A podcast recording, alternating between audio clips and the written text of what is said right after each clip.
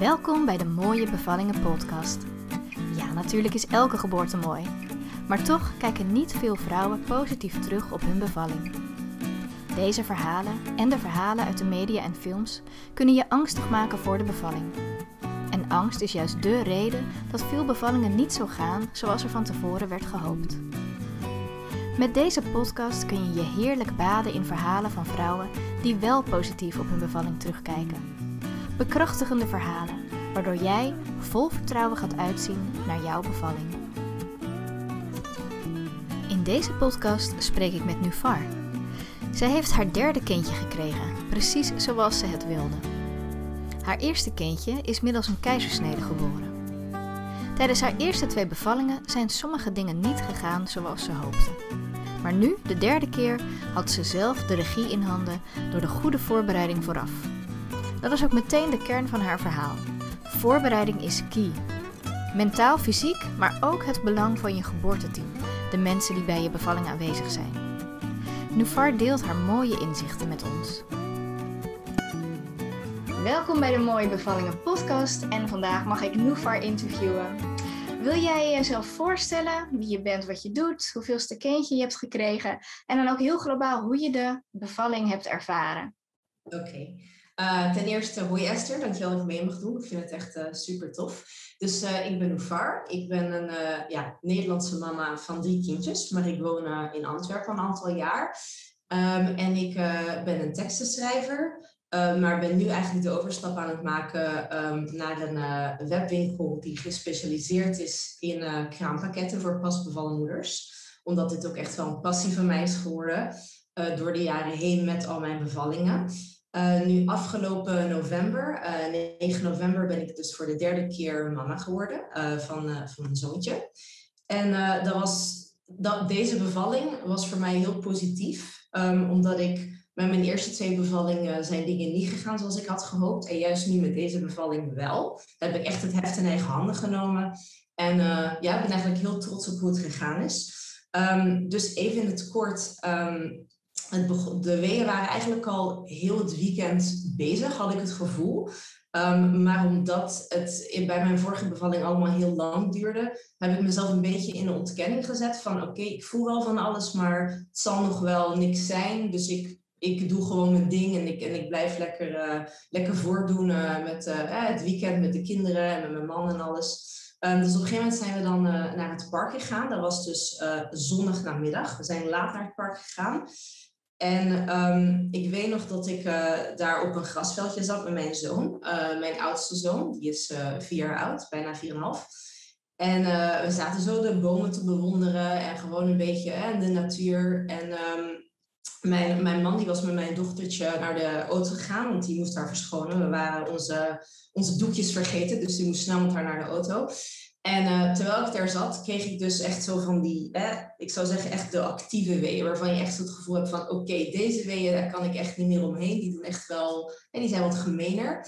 Um, maar ik had uh, ademhalingoefeningen um, ja, meegekregen van een uh, birthcoach van mij hier in, in Antwerpen. Dus ik had die heel geconcentreerd, ik heb die heel geconcentreerd zitten doen. En ja, mijn zoon heeft er eigenlijk niet, niks van gemerkt. Dus die is lekker voort blijven babbelen eigenlijk.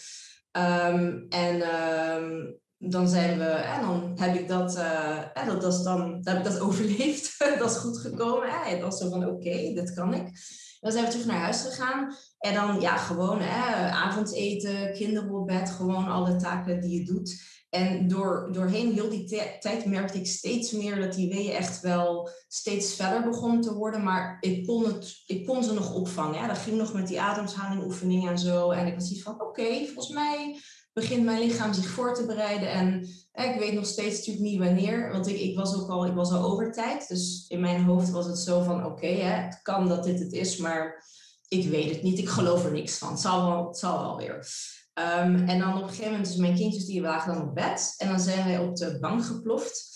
En ik weet dat mijn man, die was een of andere uh, dierenreportage aan het Discovery Channel of zo aan het kijken. Met olifanten of weet ik het wat is. En uh, ik heb toen een gebakje gegeten, omdat ik zoiets had van, oh, ik weet het niet, maar misschien heb ik toch wel die extra energie nodig. En ik had zin in iets lekkers. Uh, dan zijn we naar bed gegaan. En toen waren de weeën toch echt wel, dus dat was rond een uur of elf, denk ik. En toen waren de weeën echt wel nou ja, hè, ik denk het begin van, van het echte werk, zoals ik het noem. Dat ze echt wel fel waren. Ik kon niet slapen. Kon ook niet in bed blijven liggen. Dus dan uh, ben ik uit bed gekropen en dan ben ik naar de woonkamer gegaan. En daar heb ik op zo'n ja, pilatesbal gezeten. En heb eigenlijk vooral op de bal zitten stuiteren. Um, ik heb geprobeerd om mijn weeën te timen met zo'n speciale app, maar dat lukte gewoon niet. Dus ik had zoiets van, weet je wat, het maakt allemaal niet uit. Ik blijf gewoon lekker stuiteren op mijn bal. En ik zie het wel weer. Het kan nog lang duren, dat was mijn ervaring. Dus ik had zoiets van, het heeft echt geen zin om, uh, om, om mijn man wakker te maken of wat dan ook. En ik probeer me een beetje rustig te houden. Iedereen gewoon door kan slapen. En um, dan op een gegeven moment merkte ik van, oké, die bal, die, dat werkt niet meer. Het begon toch wel pijnlijker te worden. Dus dan ben ik overgegaan naar het bad. Want voor mij werkt water heel kalmerend. Ik vind dat het echt zo'n beetje de, de kantjes eraf, eraf haalt. Zo, het maakt het allemaal wat zachter. En ik heb daar toch wel heel lang gezeten. Ik weet natuurlijk niet heel lang, niet hoe lang. Um, maar op een gegeven moment had ik echt zoiets van, oh, nu, nu, nu is het me te veel. Nu wil ik ook echt niet meer alleen zijn. Um, en ook, ja, onze badkamer is dicht bij de, de slaapkamer van de kinderen. Dus het was ook moeilijk voor mij om daar niet te veel geluid te maken en zo. En ik had zoiets van, ik wil niet dat ze wakker worden. Um, dus dan ben ik naar mijn man gegaan en ik zeg van ja, hè, word wakker alsjeblieft, want hè, ik wil niet meer alleen zijn. En hij was direct wakker, um, voor het eerst. en um, ja, dan had hij eigenlijk wel direct door, aan, denk aan de hand van mijn gedrag van oei oei, er is hier echt geen tijd meer. Um, dus opeens was het zo van oké, snel alles inpakken en doen en dit en dat. En er was veel chaos en ik had toch zoiets van ja, ik was heel erg gefocust gewoon op het opvangen van de weeën. En dat, dat, dat begon echt al moeilijk te worden. En ik wou heel graag constant naar de wc. Dat ik constant zo naar de wc ben gelopen. En dat ik op een gegeven moment een beetje in een situatie zat dat ik niet meer van de wc af kon. Dus ik probeerde iedere keer van de wc af te gaan, maar dan voelde ik weer zo'n wee. En dan dacht ik van, oké, ik blijf nog even zitten, ik blijf nog even zitten. En dan uh, had hij zoiets van, nee, we moeten nu echt gaan. En ik zei, ja, maar ik, ik, moet, ik moet plassen, ik moet, ik moet hier blijven. En hij zo, plas maar in je broek, we gaan nu naar het ziekenhuis. Um, en ja, dan zijn we dus uh, in het ziekenhuis aangekomen. Ik weet nog dat hij heel hard heeft gereden. Volgens mij heeft hij zelfs een rood licht gereden. Dat is echt wel heel atypisch voor mijn man, want hij is normaal gesproken heel rustig. Maar ik kon echt wel aan hem zien dat hij een soort van, nou ja, paniek zou ik het niet noemen, maar hij had echt wel haast. Um, en dan zijn we dus aangekomen in het ziekenhuis. En ik weet nog dat ik toen mezelf niet echt meer rustig kon houden. Dus ik kon niet, niet meer focussen op de ademhaling en zo. En ik had toen echt zoiets van, oh, het doet pijn en ik, ik, ik, ik kan gewoon niet meer en ik, ik wil er een beetje vanaf. Um, en ik had zoiets van, weet je wat, ik, ik, dit, duurt me nog, dit duurt me te lang. Ik ga gewoon voor de epidurale, dan kan ik het op een rustige manier meemaken en en that's it. En toen kwamen we eraan. En uh, dan heb ik aan een van de vroedvrouwen direct een epidurale gevraagd. Um, maar dan hebben ze me onderzocht en dat ging niet. Um, en dat onderzoeken, dat ging dan eh, zo, eh, ik werd op een bed gelegd. Met de monitor op mijn buik. Maar ik heb tijdens zwangerschap altijd een, een hele, een beetje een rare buik. Een buik die zo heel spitsig naar voren gaat. Dus het is altijd heel moeilijk met de monitor om de hartslag van mijn kindje te vinden. En ik weet, weet dat inmiddels, want ja, het is mijn derde, was mijn derde bevalling. En ik had zoiets van, oh nee, ik word altijd heel erg moe als zij mij moeten, um, met die monitor word ik altijd heel erg moe. En ik weet dat ik daar altijd heel veel kracht verlies. Dus ik heb toen direct gevraagd van, mag ik alsjeblieft ja, in bad? Um, want ik had zo hè, dat masker op uh, vanwege COVID en dat mocht niet af.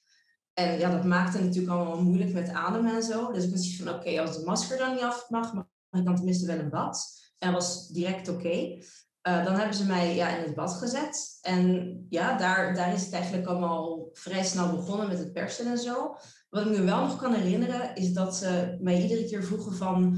Eh, voel je dit niet, voel je dat niet? Maar ik was helemaal ik kon niet echt voelen wanneer, de WA, wanneer ik moest persen. En, en ik, ik had totaal geen bewustzijn meer van wat er eigenlijk allemaal gebeurde in mijn lichaam. Dat vond ik wel heel um, ja, apart, zeg maar. Je zou toch denken dat je dat voelt, maar dat was bij mij helemaal niet... Uh, ik moest, moesten mij echt zeggen van oké, en nu persen, en nu dit doen, en nu dat doen.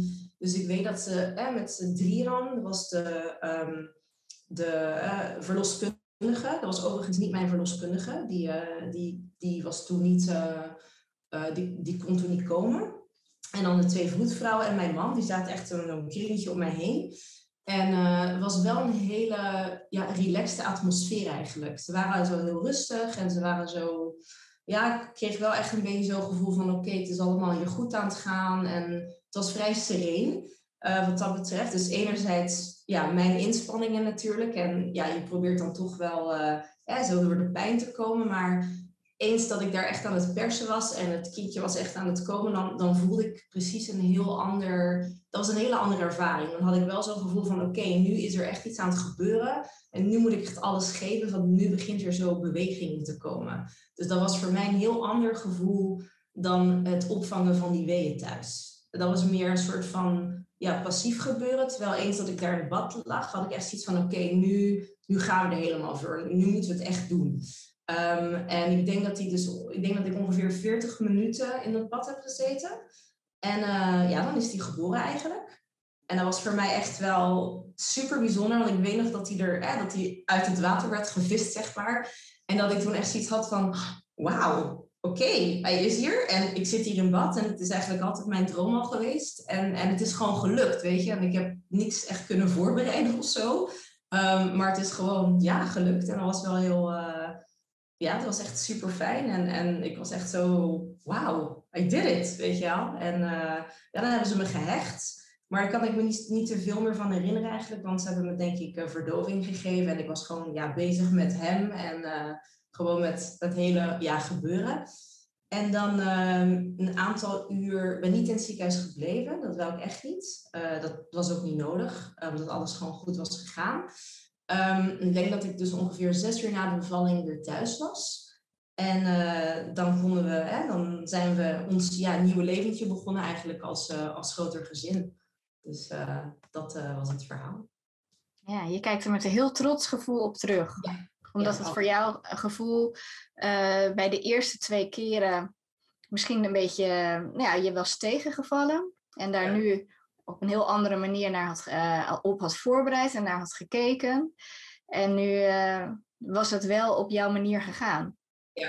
ja, dat is echt wel heel tof. Want ja, ik bedoel, een bevalling, je kunt plannen wat je wilt, maar dat gaat gewoon niet volgens plan. Dus voor mij was het echt wel. Ik ben heel dankbaar voor het feit dat ik in mijn hoofd iets had van oké, deze keer ga ik het echt anders proberen. En ik ga proberen mezelf rustig te houden. En ik ga ook proberen niet bang te zijn voor de pijn, maar gewoon als het ware ja, de pijn een beetje ja, opzoeken of tenminste te, te tolereren, te accepteren. En dat kun je allemaal wel in je hoofd denken, maar het feit dat het me dan wel was gelukt, ja, daar was ik gewoon heel dankbaar voor dat het allemaal zo was gelopen. En gewoon ja, voor het hele team dat zij ook met mij hebben meegewerkt van oké, wil jij in bad, dan mag jij in bad. Voor hetzelfde geld hadden ze kunnen zeggen nee, dat doen we niet. Mm -hmm. um, dus ja, ik was gewoon heel blij dat, uh, dat ik het zo heb mogen meemaken eigenlijk. Ja, ja. ja. een soort van uh, afsluitende cirkel.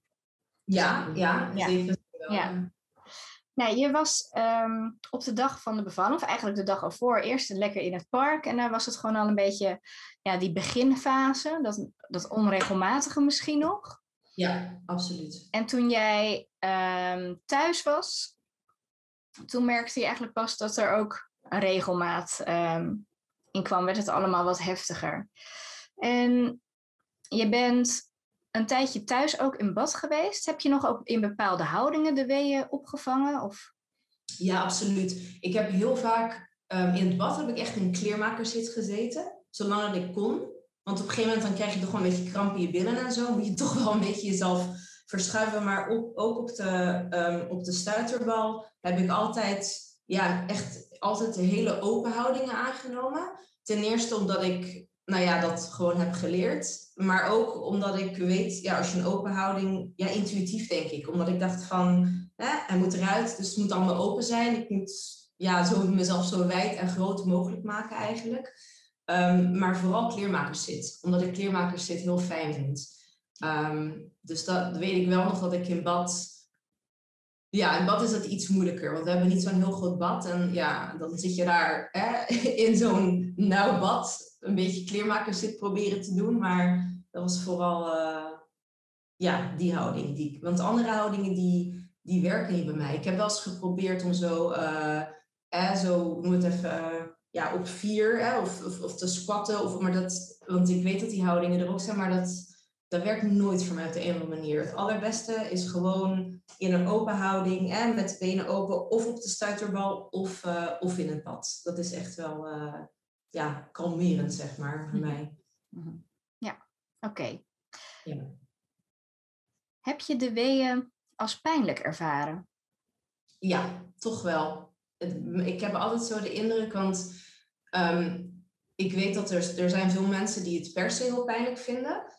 Maar voor mij persoonlijk um, zijn de weeën ja, toch wel vrij pijnlijk. Maar eens dat ik dan naar, uh, naar het persen overging, dan was het een ander type pijn. Dat was een pijn dat ik zoiets had van oké, het is niet aangenaam, maar dit kan best. Terwijl die weeën, ik vind die heel, ja, heel kattig. Ik kan het niet anders hm. noemen. Hè? Ze komen zo op in je rug en dan denk je van oké, het gaat nog. Maar dan op een gegeven moment dan zijn ze gewoon, uh, ja, ze nemen het een beetje over. Van hè, hier ben ik en nu moet jij naar ons luisteren. Weet je wel, zo, dat is een beetje het idee. Um, maar dat is gewoon ja, puur mijn, uh, mijn gevoel daarbij. Maar wat wel werkt, vind ik, dat heb ik wel gemerkt, is dat als mijn man mijn onderrug um, zo warm maakte of masseerde, dan, dan nam dat wel een heel groot deel van de pijn weg. Dus dat, was, dat is wel iets wat altijd, uh, altijd hielp bij mij. Ja. Um, ja. Alleen tijdens deze laatste bevalling heb ik toch wel ja, dat deel. Hè, in de avond heb ik eigenlijk alleen moeten doen. En ik denk dat ik daarom dan ook in bad ben gegaan. Omdat je daar dan die warmte natuurlijk automatisch hebt van, van dat water. Ja. ja, warmte verzacht enorm de pijn inderdaad. Dus als, het, uh, als je een bad hebt, of uh, in ieder geval een douche natuurlijk, dan raad ik ook altijd aan om in ieder geval uh, gebruik te maken van ja. die warmte.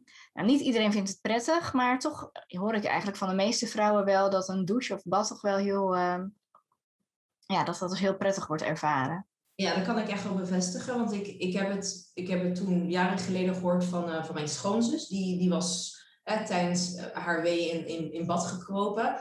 En dat was nog lang voordat ik aan kinderen was begonnen. Maar ik had toen wel bij mezelf zoiets van... Oké, dat klinkt fijn. Dus op het moment dat ik daar dan ben, ga ik het ook eens proberen. En ja, sinds, sindsdien ben ik helemaal uh, fan van van, van het bad, zeg maar. Dus dat is echt zo mijn, mijn comfortzone. Eens dat ik in, met die weeën begin en zo, dan zoiets van, oké, ik ga naar het bad, that's it, daar zul je me vinden. Precies een soort van kikker die daar dan zit, weet je wel? Ja, dus, ja. Uh, ja. ja. inderdaad, ook in die houding. ja, eigenlijk wel. Hoe lang heeft het uiteindelijk geduurd vanaf het moment dat jij dacht, nu is het echt begonnen, tot dat je mocht persen? Um, ik vind het een beetje moeilijk, omdat ja, voor mij was het dus al ja, het echte begonnen. Eh, met het moment dat ik dus in het bad zat. En eh, dus ik denk dat het ongeveer een half uur is voordat ik mijn man heb wakker gemaakt. Dus dat zal half drie ochtends zijn geweest of zo. Toen was het voor mij al echt begonnen. Dat, toen voelde ik bij mij echt al aan van oké, dit kan ik niet meer alleen. Maar ik had constant dus het gevoel dat ik naar de wc moest. Dus ik, ik vermoed dat dat al persdrang is. En ik weet dat ik me echt niet meer kon... Um, ja, kon me niet meer inhouden. Ik moest echt constant naar de wc en ik had constant echt zo dat gevoel. En ja, dat, dat persen begon... Hè, dat was, uh, we zijn om, dan om vier uur of zo aangekomen in het ziekenhuis. Dus ik denk dat ik rond een uur of half vijf of zo ben beginnen persen effectief. Mm -hmm. Dus ja, toch nog wel redelijk lang. Als ik het zo, als ik mezelf zo hoor praten. Ja in ieder geval een hele nacht ongeveer de weeën zelf. Uh... Ja, sowieso. Echt wel. Ik was ook verbaasd, want ik weet nog dat ik daar aankwam en dat ik zoiets had van. Ik heb om een epidurale gevraagd, omdat het de vorige keer heel lang duurde voordat ik enige ontsluiting had. Ik kwam, dus ik had zoiets van, ja, het zal wel weer hetzelfde zijn. Het is hetzelfde lichaam, dus het zal wel weer hetzelfde zijn. Dus geef maar gewoon een epiduraal, dan ben ik er vanaf. En dat ze toen zeiden van, ja, maar dat gaat niet meer, want je bent al, uh, zeg maar, acht of een kleine negen centimeter was het. En ik geloofde het niet. Ik had echt zoiets van, yeah, right. Dat zeggen ze alleen maar om mij, hè, om mij gemotiveerd te houden. Um, maar ja dat, was, ja, dat was dus echt al zo. En toen, toen dacht ik bij mezelf van, oké, dat verklaart dus het gevoel. Dat verklaart de, de druk. Ik weet nog dat ik een immense druk voelde. En, en toen ik dus aankwam bij het ziekenhuis, dat was de eerste keer voor mij dat ik echt niet kon lopen. En ik, ik, je ziet dan wel eens, hè, je hoort dat, dat vrouwen dan in een... Uh, dat vrouwen echt niet meer kunnen lopen in een rolstoel naar binnen worden gerold. En dat was ook effectief het geval bij mij. En mijn man die, was, die, die, die, die deed de deur van, van de auto open. En zei, ja, oké, kom. En ja, maar zo, ik keek hem aan van, ja, denk je nou echt dat ik kan lopen? Ik kon gewoon niet lopen. Dat was echt enorme druk. En uh, toen heeft hij dus een, uh, rolstoel gepakt. En ik weet nog dat ik, dat ik wel een beetje bij mezelf moest lachen van... Kijk mij nu hier zitten. Ik bedoel, dat is toch wel heel heel typisch eigenlijk. Ehm, en ja, dat, dat, dat, had ik niet meegemaakt bij mijn vorige bevalling. Dat was echt wel zo die mega druk van oké, het kindje wil eruit komen. het is genoeg geweest. Dus, uh, Wat jij zo beschrijft, het moment dat je vraagt om een ruggenprik omdat je uh, het niet meer ziet zitten. Dat is heel vaak dat punt inderdaad rond die 8, 9 centimeter. Dus het moment dat de weeën op hun heftig zijn. En dat je heel veel druk al ervaart, maar nog niet echt die persdrang hebt, maar daar wel net zo tegenaan zit. Ja. Het is voor, ja, dat noemen we dan de transitie, of ik noem zelf dat de oerkrachtfase. Oké. En uh, dat is wel heel uh, mooi als je dat, uh, ja, eh, ik vertel dat altijd aan vrouwen, ook van tevoren. En heel vaak herkennen ze die fase dan. Van, oh wacht, volgens mij zit ik nu in die in laatste fase. Ja. Ja, dat is... Uh, nou ja, het, het ding was bij mij... Ik had het zoiets van... Als, als, je, als je op voorhand kunnen zeggen van... Kijk, je hebt nog zoveel tijd te gaan. En het is niet te lang. Dan heb je die motivatie, maar je weet dat nooit van tevoren. En dat is altijd denk ik het punt waar de meeste vrouwen erg moe worden. En omdat ik dus een beetje ja, negatieve ervaring had van de vorige keer had ik zoiets van, ik wil dat niet nog een keer meemaken, dat ik daar aankom in het ziekenhuis en dat ze van, oh, het is nog maar een kleine drie centimeter, het gaat nog lang duren. Dus ik had zoiets van, oké, ik neem gewoon een epiduraal en klaar. En toen ze zeiden van, nee, het gaat gewoon niet. Je gaat het op eigen kracht moeten doen. Had ik heel even een vlaag van paniek, dat ik dacht van, ja, maar dat kan ik helemaal niet. En, en oh my god, en hoe ga ik dat doen? En met het masker op en eh, er is geen, geen uitweg. En toen had ik zoiets van, precies, het kan niet anders. Dus we gaan het gewoon lekker doen. Je bent hier nu toch, doe het gewoon. Je kunt het wel. En ik weet dat ik in dat bad zat en dat ik echt zoiets had van, toen begon eh, toen ben ik beginnen persen. En dat was voor mij echt wel zo het moment van, wat je zegt van de, de oer, oerkracht. Of, of dat, toen voelde ik echt zo van, ja, precies van innerlijke schreeuw. Ik kan het niet anders noemen van, oké, let's do this, weet je wel. En dat heb ik wel echt wel ervaren als ja, fijn is misschien het juiste, niet het juiste woord, omdat je natuurlijk pijn hebt, maar um, ja, een, een, het is een bijzonder gevoel, vind ik. Omdat je daar, ja, je, je bent het daar gewoon aan het doen, hè? En je wordt geholpen natuurlijk, je wordt gemotiveerd, maar je bent het wel zelf aan het doen. En ik vind dat heel, ik vind eigenlijk wel heel krachtig. Ja. Dus dat, uh, ja. ja. absoluut. Dat is enorm uh, krachtig. Zo ervaren heel veel vrouwen hè? dat ook echt als die oerkracht en, en dat oergevoel. Ja, dat is echt, daar heb ik wel heel veel van, van geleerd. Ik kan het niet, kan het niet echt verwoorden, maar het is meer een gevoel dat ik heb meegekregen. Ehm, dat ik nu toch wel op een hele andere manier naar, naar mijn eigen lichaam kijk en gewoon ja, naar, naar ja, vrouwen op zich. Dat ik denk van, jeetje, we zijn echt wel krachtige wezens. Dat, dat klinkt heel, uh, ja, klinkt misschien een beetje cliché om het zo te zeggen, maar het is gewoon zo. Ik mhm. bedoel, hè, wij, wij hebben dat leven in ons en dan zetten wij ons uit en dan brengen we uh, een wereld op, uh, een, een leven op de wereld. Dus ik vind dat echt wel heel, uh, heel bijzonder. Ja. Zeker, ja. Ja, klopt. Dat heb ik ook altijd heel magisch gevonden, dat, dat idee. Ja, kan ik me voorstellen. En ja, voor mij was dit nu ook wel het, het, die dimensie van, van, van COVID, zeg maar. tijdens de zwangerschap had ik heel had ik toch wel wat, wat stress en was ik wel bang van ja, stel nou voor dat ik tijdens een, een lockdown moet gaan bevallen en zo. En ik moet dat ziekenhuis in en ja, hoe gaat het dan? En ik, ik vond het een heel, een heel akelig gevoel. Ehm, en daarom had ik me ook voorgenomen van oké, het is gewoon zo. Je gaat het doen en hopelijk zijn er geen complicaties. Dan kun je gewoon zo snel mogelijk het ziekenhuis uit. En dat is ook hetgene wat mij eigenlijk heeft geholpen om zo ja, vastberaden te zijn. Omdat ik zoiets had van, ik wil niet in het ziekenhuis blijven. Um, ik wil zo snel mogelijk veilig thuis zijn, ook met de andere kinderen. Dus het was voor mij echt zo van, oké, we gaan het gewoon doen. Er zijn zoveel vrouwen voor mij die het hebben gekund. Dus waarom zou ik het niet kunnen? Um, en ja, op medisch vlak waren er helemaal geen indicaties. Het was allemaal een, een supermooie zwangerschap. Het kindje was goed aan het groeien. Het was allemaal in orde. Ehm, en mijn verloskundige, die er dan uiteindelijk niet bij was, maar die had ook al gezegd van, volgens mij gaat het gewoon helemaal goed komen. En uh, dus ik had echt zoiets van, oké, het is eigenlijk, het hele COVID-gebeuren is in zekere zin negatief, maar voor mij was het een, een positief aspect. Omdat het mij heeft gemotiveerd om, uh, ja, om er helemaal voor te gaan eigenlijk. En ik weet eigenlijk niet zeker of dat als het niet zo was geweest, dat ik, dan, dat ik het zo had gedaan. Dus daar ben ik eigenlijk ook wel ja, wel dankbaar voor. Ja, ja mooi gezegd. ja, ironisch, maar, Ja, ja. maar waar. Ja. Wat was het moment ehm, dat de vliezen braken? Wanneer gebeurde dat? Dat gebeurde in bad. Dat, ik, ik weet dat, eh, ik heb het zelf niet gemerkt. Ehm, dus ik vraag me af van hoe weet ik dat? Maar volgens mij hebben ze het toen gezegd. Hm. Want ik heb nooit, ik weet dat het daarvoor niet is gebeurd. Dus dat is echt wel eh, in, in bad gebeurd. Ja, waarschijnlijk door de druk van het kindje, de druk van de weeën, is het spontaan waarschijnlijk eh, gebroken.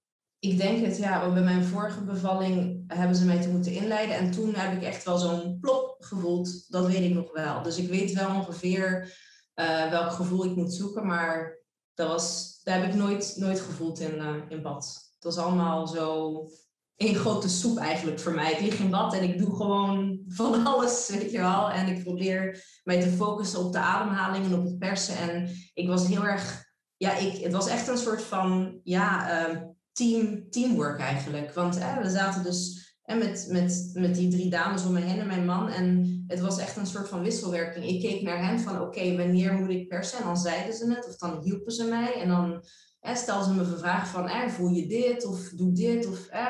En ja, het was echt een soort van teamwork eigenlijk. Dus dat was wel... Uh, dat vind ik wel heel bijzonder, want je, eigenlijk, je kent die mensen niet. Hè? Je komt er binnen, je hebt die mensen nog nooit gezien van, van je leven.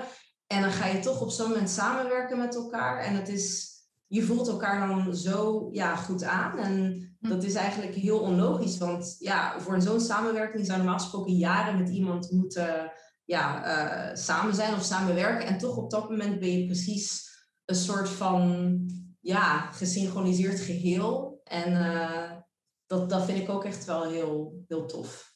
Dus nee, je zegt dat ook wel heel mooi. En dat is ook wel iets waar ik uh, ook altijd aandacht aan besteed. Is inderdaad dat geboorteteam om je heen. Ja. En ja. wie zijn dat precies? En um, ja, had je bijvoorbeeld ook met hen uh, van tevoren je gebo een geboorteplan besproken? Nee, totaal niet. Dat was het hele ding. Um, dat um, dus mijn verloskundige, die, uh, dat, die, die die, was toen niet, uh, die kon toen niet komen, hè? want die werkt niet. Het was dus zonnig op maandag en ik werk nooit op het weekend. Dus het was een andere verloskundige die ik überhaupt niet ken. We dood, maar ik weet haar naam niet eens. Uh, ik, heb het, ik heb het niet voor opgezocht of zo. Um, en dus ik, ik kende haar niet. Ja, die voetvrouwen, dat zijn dan gewoon de voetvrouwen die op dat moment in het ziekenhuis, die, die dan aanwezig zijn. Dus ik heb, er is ook nooit tijd geweest om überhaupt iets met hen te bespreken. Het enige wat ik wel heel duidelijk heb gemaakt van, ik wil niet in het ziekenhuis blijven. Ik wil polyklinisch bevallen. Dat was heel duidelijk van, oké, okay, als het niet hoeft, ik wil hier echt niet blijven. En inderdaad dat ik heel graag in bad wou bevallen, maar voor de rest was er nooit iets besproken. Um, ik heb met mijn zelfstandige voedsel wel altijd gezegd van, ik wil proberen om het zo natuurlijk mogelijk te doen maar in de mate dat het kan. Dus op het moment dat ik over mijn pijngrens heen zit en ik kan echt niet meer en ik ken mijn lichaam ook wel zodanig goed dat ik weet van oké, okay, nu is het genoeg geweest, dan ga ik het niet forceren. Omdat ik echt wel van mening ben van het, het moet toch wel een, een mooie ervaring zijn. Of tenminste een evenwichtige ervaring en niet dat je wegloopt met het gevoel van oh, dit was een ramp. Dus op het moment dat je over je ja, hè, vermoeidheidsgrens heen zit of je hebt zoiets van oké, nu, nu wordt het me te veel dan heb ik zoiets van, neem dan gewoon de hulp die je nodig hebt. Of dat nu een persoon is die jou een massage geeft, of inderdaad een ruggenprik. Uh, het is prima om om hulp te vragen, denk ik dan. Hè? Dat is mijn perspectief. Um, maar ze hebben dat toch wel heel goed aangevuld, uh, aangevoeld. Want ja, ze hebben me echt wel goed gecoacht eigenlijk. Want er waren natuurlijk al momenten tijdens de bevalling dat ik even zoiets had van, oh, ik, het lukt niet en, en het gaat niet meer en ik kan het niet. En ik weet nog dat ze zeiden van ja, maar je kunt het wel en je doet het goed hier en, en, en je gaat het gewoon doen. En, en dat is eigenlijk wel tof, want dat zijn zo de, de zinnen die, die een goede vriendin tegen je zou zeggen. En uiteindelijk zijn dat ja, geen vriendinnen, maar vreemde mensen die je nog nooit hebt gezien. Dus in het feit dat je op zo'n moment zo'n team vormt samen, mm-hmm. vind ik heel bijzonder. Dat is ja. echt wel, uh, denk ik, eigen aan, aan, aan het bevallen, zeg maar. En dat is ook wel de kracht van een goede zorgverlener, om dat heel goed ja. aan te voelen. Ja. Uh, en ik denk dat dat bijna een eigenschap is die ze ja, die bijna verplicht zou moeten zijn voor elke zorgverlener. Niet iedereen heeft dat natuurlijk. Nee. Ik denk dat ook wel bepaalde type mensen die dat wel hebben, dat die ook vaker voor een baan in de zorg kiezen, denk ik. Dat denk ik ook wel. Ja, en uh, dus dat is wel heel mooi dat zij dat zo uh, hebben kunnen aanvoelen. Ja.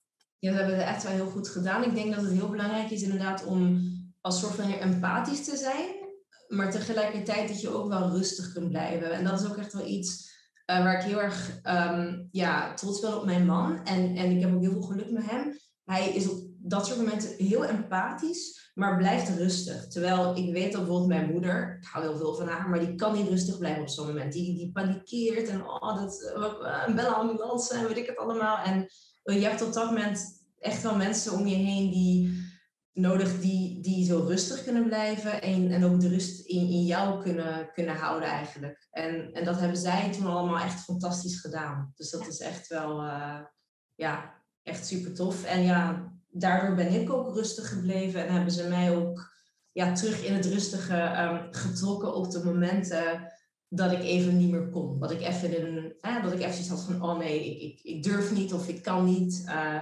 dan hebben ze me er heel snel weer uitgetrokken. Dus dat is, uh, ja, is echt wel super tof. En ja, mocht ik weer een kindje hebben, dan zou ik, het, zou ik echt wel het liefst gewoon weer op dezelfde manier bevallen. Dat is voor mij echt wel, uh, ik zou het zo weer opnieuw doen. Op die manier. Ja. ja. Het moment dat je mocht gaan persen, ik hoorde je net zeggen dat dat ongeveer 40 minuutjes heeft geduurd. Ja. En um, in welke houding was je bijvoorbeeld toen? Dus ik lag in, ik lag in bad. En ik lag een soort van achterover, denk ik. En ja, hè, met, met de open benen dan. En volgens mij, ik zit te denken, heb ik mijn benen nu vastgehouden? Of misschien heeft één persoon mijn been vastgehouden. Ik denk dat, dat ik misschien wat hulp heb gehad met het vasthouden van de benen. Maar ik weet dat ik ze echt wel, hè, ik heb ze hard naar me toe moeten trekken. Dus ik lag in bad met mijn benen naar me toe getrokken. Dat was de houding die, uh, die ik had, ja. En hoe, ja, hoe was dat om in bad te bevallen? Was dat anders dan uh, de, de keren daarvoor? Oh, heel anders. Echt heel, heel anders. Ik vind, persoonlijk vind ik het bed niet fijn. Um, omdat gewoon, ja, ik vind dat zo niet organisch. Ik vind dat je niet, hè, je hebt geen bewegingsvrijheid en je ligt er dan, ja, je bent niet vastgepind, maar het voelt voor mij mentaal alsof ik geen kant op kan. En, en dat, dat voelt heel ja, daardoor voel ik me een beetje benauwd eigenlijk. Als ik denk aan dat bed, dan denk ik, oh, ik kan geen kant op. Terwijl in dat, in dat bad, um, eigenlijk is dat, ik bedoel, het is niet dat, dat je daar kussens hebt of, eh, of zo. En ik weet dat op een gegeven moment aan het einde kreeg ik het koud. Hmm. Dat weet ik wel nog, omdat je niet helemaal ondergedompeld in het, in het water zit. Althans, ik niet. Ik, weet, ik denk dat ik zo, ja, god, dat water zat eigenlijk al vrij laag, denk ik. Um, maar ja, ik had gewoon een gevoel van ja, dat water omarmt je, zeg maar. En ja, dat geeft gewoon, het, het gaf me de focus die ik nodig had. Het gaf me echt zo, ik, ik zat een soort van, ja, in een cocon eigenlijk. Ik denk dat dat de beste manier is het, om het te beschrijven. Terwijl, ja, op het bed had ik die focus dan veel minder. En had ik niet het gevoel van een cocon. In het, in het water was ik echt helemaal... Ik weet nog dat ik ook af en toe zoiets had van... Oh, de hartslag, is de hartslag wel oké? Ik was dus helemaal niet bezig met, um, ja, met dat soort dingen. Ik was echt gewoon gefocust op, oké, eh, het kindje eruit krijgen. Terwijl, en de rest, zij doen wel, eh, zij letten wel op de hartslag, zij letten wel op andere dingen. Als het niet gaat, uh, dan hoor ik het wel weer, weet je wel zo. En, en, en dat is omdat ik dus in die cocon zat. En ja, op, op bed was het toch wel een heel, een beetje een synthetisch gevoel met uh, ja, een heel ander gevoel. Dus uh, maar dat is natuurlijk vooral mijn ervaring. Hè? Ik denk iedereen, die, iedereen beleeft dat op een hele andere manier. Ja. Heb jij ook zelf het kindje kunnen aanpakken in bad? Nee, dat had ik wel gehoopt, maar dat, uh, nee, ze hebben, hem, ze hebben hem er dan uitgehaald, denk ik. Ja? En dan hebben ze hem op mij gelegd, denk ik. Dat is toch, ik weet het eigenlijk niet meer. Ik weet nog dat hij eruit kwam, dat ik dacht van, wow, je bent best groot. Want mijn andere kinderen, die waren, die waren vrij klein. En daar was, hij de grootste eigenlijk van, hè, van alle drie. En dat was voor mij echt zo, wauw, een dus dat was wel heel... Uh, en ja, ik heb hem dan op mijn mijn borst genomen en hij is niet beginnen huilen direct. Dat weet ik wel nog, dat ik zoiets had van, is hij wel in orde, want hij helpt niet. En ik had zoiets van, oké, maar hij moet toch huilen? Dan heeft hij daarna, de, de, maanden, drie maanden daarna, heeft hij dat helemaal ingehaald. Dat is geen probleem. Ehm, maar ik denk vermoedelijk omdat hij in het water is terechtgekomen, dat, dat het een wat rustigere, rustigere overgang is, dat hij daarom niet direct wou gaan, gaan huilen. Denk ik dan. Ehm, ja.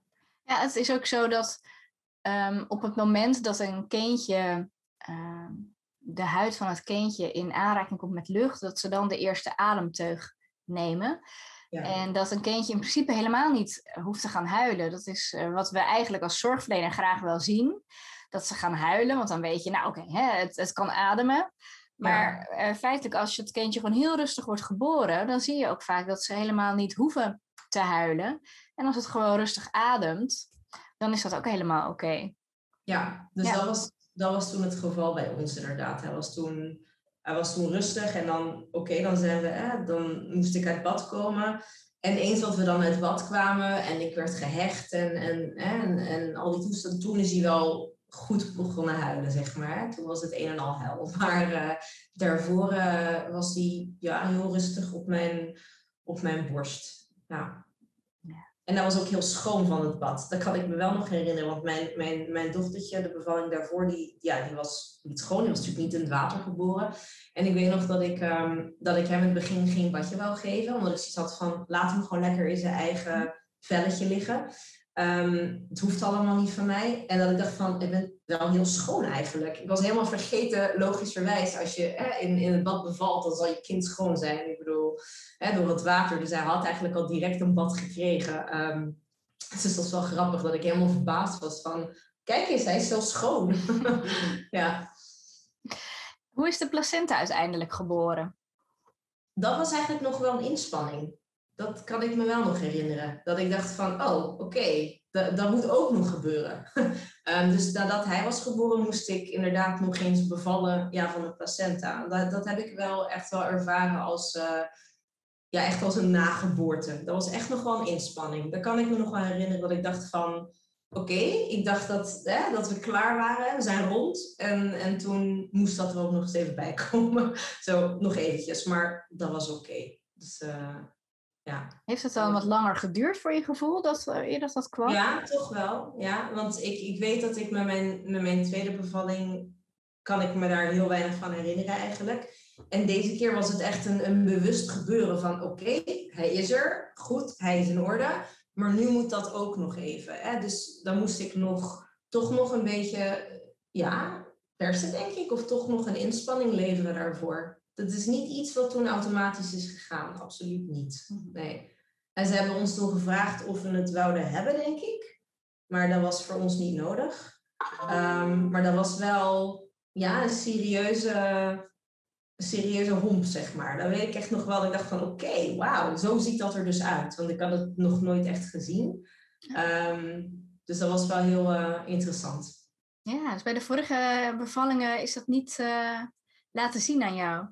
Ik, ik denk het niet. Nu, mijn eerste was een keizersnede, dus ja, dat, oké, dat is dan denk ik logisch. Maar met mijn tweede kan ik me helemaal niks herinneren van, van, dat, van dat gedeelte eigenlijk. Helemaal niet. Zij is geboren en, en in mijn beleving was dat het gewoon. En nu was het dus van, oké, hij is er, fijn, maar wacht even, we zijn nog niet klaar. Ja, ja je, had meer bewust, uh, je was er meer bewust van. Ja, ja, absoluut. Ja, ik heb het ook echt gezien toen, hè. Dus dat was wel... Uh, was wel heel interessant.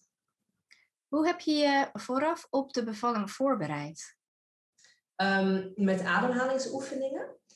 En dan ook vooral, ik vond het heel um, apart dat de pijn mij zo ja, domineerde. Ik kan het niet anders noemen. Want ik ben meestal iemand die wel een redelijk hoge pijngrens heeft. En ik vond het heel frustrerend dat ik met de tweede bevalling mij volledig uh, ja, dat ik, dat ik mij volledig liet beperken eigenlijk door de pijn. En ik had zoiets van, dat, dat kan toch anders en dat moet anders kunnen. En pijn is natuurlijk een, een, een fysiek gebeuren, maar het is ook vooral mentaal. Hm. En ik had zoiets van, als ik, als ik dat mentale stuk onder controle kan krijgen, dan, dan zal de rest wel volgen. Ehm, dus ik heb dat ehm, aan de hand van ja, ademhalingsoefeningen ehm, gedaan. En dat, is, dat was niet, niet iets super moeilijk. Dat was echt een kwestie van zo inademen. En dan zes, zes tellen mijn, mijn adem inhalen. En dan zo heel krachtig uitblazen. En, en dan echt het, het krachtig uitblazen, echt een soort van mijn, mijn buik, ja, een soort van aanspannen. En ik weet nog dat de geboortecoach zei van probeer de pijn juist op te, um, op te zoeken en juist niet te, niet te ontvluchten. We hebben, we hebben zeg maar de, de neiging om de pijn te ontvluchten, zeg maar. En, en als jij helemaal krampachtig hè, gaat helemaal in één gaat krampen omdat je zo bang bent voor de pijn, dan zul je ook meer pijn hebben. Dus ik had zoiets van, oké, het is natuurlijk wel heel, heel vreemd om de pijn te gaan opzoeken. Het klinkt een beetje, ja, klinkt een beetje raar. Um, maar dat heeft wel geholpen, omdat ik daardoor ja, ik denk gewoon wat relaxter was. Um, en ik weet echt wel dat ik zonder die ademhalingsoefeningen was het me niet gelukt. Het is echt die ademhalingsoefeningen waar ik iedere keer met elke wee was het echt oké, focus. Inademen, zes tellen vasthouden en dan zo krachtig mogelijk uitademen. En dat heeft echt wel, heeft me er, er doorheen geloodst eigenlijk. Ja. Dus dat is iets om op te focussen ook. Ja, vind ik echt wel. Het is echt iets om op te focussen. En ik denk dat ook um, het visualiseren van, ja, dat kan van alles zijn, hè. Maar voor mij was dat het woord open. Dus hè, alles moet open zijn. Open houding aannemen en, en je lichaam is open en desnoods zet je een raam open. Ik weet het niet, maar alles moest open zijn voor mij. Zo van, dan, hè, dan, dan komt hij vanzelf. Nou ja, vanzelf, hè, dan help je hem. Um, en um, ja, en proberen niet bang te zijn. Dus op het moment dat, dat de pijn dan komt, dan had ik met mijn vorige bevalling dat ik echt zo in één zo krom van, oh, weet je wel. En dat ik nu zoiets had van stapsgewijs. Oké, ja, dit is niet fijn, maar we kunnen dit. En, en dit, is, dit, is, dit hoort erbij. En met elke week ben ik dichter bij mijn kindje. Dat was ook echt wel iets dat ik dacht van, met elke week ben ik dichterbij. Um, dus dat, ik denk dat dat toch wel ja, de punten waren van mijn, van mijn voorbereiding. Ja, ik vind dat je dat ook wel heel mooi zegt. Dat die pijn fysiek is, maar juist ook een heel groot stuk mentaal. En ik denk dat je er echt wel heel erg gelijk in hebt. Ja. Dat op het moment dat jij uh, je mind daarin traint, dat dat heel erg bijdraagt aan hoe je dat allemaal beleeft. En uh, als vrouwen in de angst gaan zitten, inderdaad, oh, de pijn, de pijn, de pijn. Ehm, dan uh, kan er ook niets anders zijn op dat moment dan die pijn. Zo probeer ik dat dan altijd uit te leggen. En uh, dan, als je in die angst gaat zitten, dan wordt dat eigenlijk alleen maar erger. Ja, daar sluit ik me echt wel bij aan. Ik heb echt wel het contrast gezien tussen uh, mijn tweede bevalling en dan nu. En ja, dat is gewoon iets wat je, wat je natuurlijk moet meemaken. Het is ook niet zo makkelijk. Ik denk ook echt wel dat je een bevalling moet voorbereiden. In de zin van, je moet het niet plannen, want uiteindelijk gaan de meeste dingen nu eenmaal niet volgens plan. Het is een organisch gebeuren, dus er valt weinig te plannen echt. Maar ik denk dat je wel, ik zie het een beetje als als je een berg gaat beklimmen of je gaat een marathon rennen, hè, allemaal fysieke inspanningen. Dan, dan doe je dat ook niet van de een op de andere dag. Dan, ga je, dan zeg je ook niet van, oh ja, oké, goedemorgen, nu gaan we het even doen. Dan bereid je daar mentaal en fysiek op voor. Dus Eigenlijk is een bevalling niet anders. Dus fysiek een, heel veel eisend gebeuren voor, voor je lichaam. Hè. Je hebt dan zoveel maanden het kindje gedragen. En dat is zo hè, de, de, de, de climax, het hoogtepunt. Dus ik denk dat je daar echt wel op moet voorbereiden um, fysiek. Dat je toch wel conditie hebt in de zin van uithoudingsvermogen. Dat je toch wel wat, wat kunt hebben. Probeer toch ook wel um, voor veel rust te zorgen voor jezelf. Je moet zeker niet uitgeput die bevalling ingaan. Dat is makkelijker gezegd dan gedaan, omdat je tijdens, meestal tijdens de laatste maanden van je zwangerschap toch wel moeilijker kunt slapen, in mijn ervaring. Um, maar ik denk dat je toch wel moet proberen om die rust te pakken en jezelf, wat ik zeg, ja, vooral mentaal voorbereiden van oké, okay, gelijk dat je een, een, een, ander, uh, een, een, een ander fysieke gebeurtenis uh, zou voorbereiden. Dus dat is wel um, iets waar denk ik toch wel veel vrouwen zich op verkijken. En, en ook dat de focus is meer naar focus moet minder zijn op de angst en meer op het, oké, dit is een uitdaging. Maar ik ga dit kunnen, want why not, weet je wel.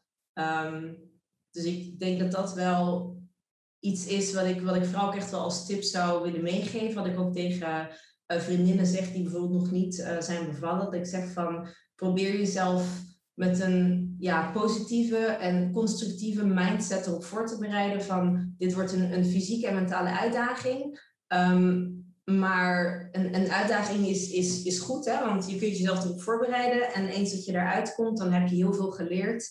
En dat is ook denk ik wel um, ironischerwijs een deel van de transformatie naar moederschap. Hè? Moederschap heeft pieken en dalen. En, en dat, dat is ook zo met, met de bevalling. Hè? Er zijn momenten dat je denkt van oh, dit, dit, dit gaat helemaal goed komen. Ik, ik, kan dit zo goed. En er zijn momenten dat je denkt van, oeh, ik weet het niet. En oeh, dit is moeilijk nu. En kan ik het wel? En, en ik denk dat dat ook wel, um, ja, eigenlijk een soort van essentieel is. Hè? Dat je zo tijdens de bevalling, maak je dat heel hevig mee. En dat, ja, helpt je toch wel, denk ik, um, ja, naar de transitie naar het moederschap, zeg maar. Dus, um, ja beetje filosofisch misschien, maar het is gewoon mijn, nee, nee, nee, daar heb ik mijn, uh, mijn gedachtegang erover. Ja, super mooi. Ik uh, heb ooit een blogbericht geschreven, inderdaad met dezelfde vergelijking. Uh, dat, heel vaak zeggen ze over een bevalling, ja, bevallen is echt topsport. Maar als je topsport beoefent, dan bereid je je echt tot in de, de kleinste details heel uitgebreid voor. En heel vaak hebben vrouwen toch zoiets van, ah, ik zie je wel, het gebeurt, moet er toch uit. En uh, er is er nog nooit één blijven zitten. Dat is ook altijd zo'n veel gehoorde quote. Ja. Nee, je moet, het is echt een fysieke gebeurtenis en ook een, een mentale gebeurtenis. Daar kun je je echt wel op voorbereiden. Ja, ik ben het wel mee eens van ja, hè, ze, moeten er, ze komen er wel uit. Tuurlijk, het is ook wel zo. Maar dat neemt niet weg Ehm, dat je er het beste op kunt voorbereiden. Hè? Je, je, kunt, je kunt de weg op een, op een, op een fijne, um, rustige manier bewandelen. Of inderdaad, hè, je kunt de berg bewandelen en 20.000 keer struikelen en verdwalen. En, hè, om het even, of, of, of je kunt jezelf erop voorbereiden en, en uh, pauzes inlassen wanneer je weet dat je lichaam het niet meer aan kan. En het juiste team samenstellen met een gids en weet ik het allemaal. Um, dus wat dat betreft denk ik echt wel dat je jezelf um, moet voorbereiden. Maar dat is wel denk ik voor iedere vrouw heel anders. Dus ik denk dat elke vrouw zichzelf um, voor de bevalling moet afvragen van oké, wat zijn voor mij pijnpunten en wat zijn dingen waar ik bijvoorbeeld uh, ja, bang voor zou kunnen zijn of wat zijn de momenten waarop ik zal, zal gaan afhaken. En ook vooral welke mensen wil ik erbij hebben of welke mensen wil ik er vooral niet bij hebben. Um, dat is ook echt wel iets waarvan ik denk dat je heel eerlijk met jezelf moet zijn. Ja. Dus, ja. Klopt, ja. Soms hebben vrouwen nog zoiets van ik wil iemand pleasen of uh, anders voelt diegene zich gepasseerd als die niet bij mijn bevalling mag zijn. Had laatst volgens mij iemand over die dan uh, ja, het moeilijk vond om tegen haar moeder of zus te zeggen dat, die, dat ze liever niet had dat die bij de bevalling was. Ja. En uh, ja, maar ja, het is wel jouw ervaring natuurlijk. En uh, jij moet je er helemaal goed bij voelen. Ja, absoluut. Het is natuurlijk gevoelig hè, als je een, een familielid hebt die, die, heel, die heel dicht bij je staat eigenlijk, maar die je liever niet bij wil hebben. Ik kan me voorstellen dat, dat het een beetje moeilijk kan zijn, maar uiteindelijk is het wel jouw lichaam en jouw bevalling. En iedereen heeft er baat bij dat jij op dat moment het beste voelt. Um, dus ik heb wel zoiets van, denk gewoon bij jezelf van oké, okay, wie wil ik er het liefste bij hebben? En ik denk dat je, iedereen weet dat antwoord wel. Hè? Dus je, er zijn altijd mensen die je heel graag hebt, maar ja, die bijvoorbeeld niet rustig kunnen blijven. En mensen die, die wel goed rustig kunnen blijven. En ik weet bijvoorbeeld voor mij heb ik geluk dat mijn man dus altijd heel rustig kan blijven, maar die, die kan heel goed luisteren en die, ja, die, die kan dan ook heel empathisch zijn, maar ja, dat is zo grappig, want hij zegt wel wat, maar niet te veel. Dus voor mij is dat echt zo de perfecte balans op zo'n moment. Um, ja, die kan zo heel nuchter zijn. En mijn moeder bijvoorbeeld, waar ik een super hechte band mee heb, mhm. maar die, die zou ik er dus echt niet bij kunnen hebben. Dat weet ze ook. Dat gaat never nooit goed komen. ik moet er altijd een beetje om lachen, maar die, die zou veel te betrokken zijn en die zou zich niet rustig kunnen houden. En dat zou voor haar heel beangstigend zijn. Mhm. En ik moet eerlijk toegeven dat als mijn dochter ooit gaat bevallen, dat ik niet weet en eigenlijk niet denk dat ik een goede partner zou zijn daarvoor. Ik kan me voorstellen dat ik me niet rustig zou kunnen houden. Dus ik denk dat je daar gewoon, ja, heel eerlijk in moet zijn. Klopt. Heb jij voor je gevoel alles kunnen vertellen wat je wilde vertellen? Ehm, ja, ja, ik denk het wel. Ik denk gewoon het, het belangrijkste wat ik echt nog wel wil benadrukken is dat ehm, een bevalling is natuurlijk een, een, een he- kan een hevige ervaring zijn. En ik denk dat dat in de meeste gevallen ook wel zo is. Maar hevig betekent niet negatief. En natuurlijk zijn er ehm, heel veel aspecten die je niet zelf kunt beheersen. Want wat ik zeg, het is een organisch gebeuren. En er zijn altijd dingen eh, die kunnen gebeuren waarvan je hoopt dat ze niet gebeuren. Maar uiteindelijk ehm, denk ik echt wel dat het een goede fysieke en mentale voorbereiding is al, is al heel veel. En, en probeer vooral niet bang te zijn. Heb, heb vertrouwen in je, in je lichaam. Ehm, heb vertrouwen in, in het team eh, eh, en de mensen waarmee je omringt. En, eh, en, dan, en dan komt het wel goed. En, en het, het mag hevig zijn en het zal pijn doen en dat is oké. Je kunt het allemaal aan. Ehm, dus dat is echt wel iets wat ik, eh, ja, wat ik, wat ik iedereen wil, eh, wil meegeven. En dat Ja. is eigenlijk, denk ik, ook gelijk jouw tip aan de, aan de aanstaande moeders. Ja, heb je gelijk al heel mooi samengevat. ja. Ja, dan wil ik je heel erg bedanken voor het delen van jouw mooie verhaal, maar ook jouw, eh, jouw mooie inzichten. Dankjewel. Ja, en heel erg bedankt eh, dat, ik, ja, dat ik mijn verhaal mag delen, mocht delen. En dit initiatief is fantastisch. Want eh, het, is tijd, het is een beetje tijd voor verandering. Hè? Dat, dat we het allemaal wat positiever gaan inzien. Dus heel erg bedankt daarvoor. Absoluut. Super. Oké. Bedankt voor het luisteren naar de Mooie Bevallingen podcast. Kijk voor nieuws en tips op mijn Instagram Elements of Birth. En wil jij ook zo'n mooie bevalling beleven? Neem dan eens een kijkje op www.elementsofbirth.nl.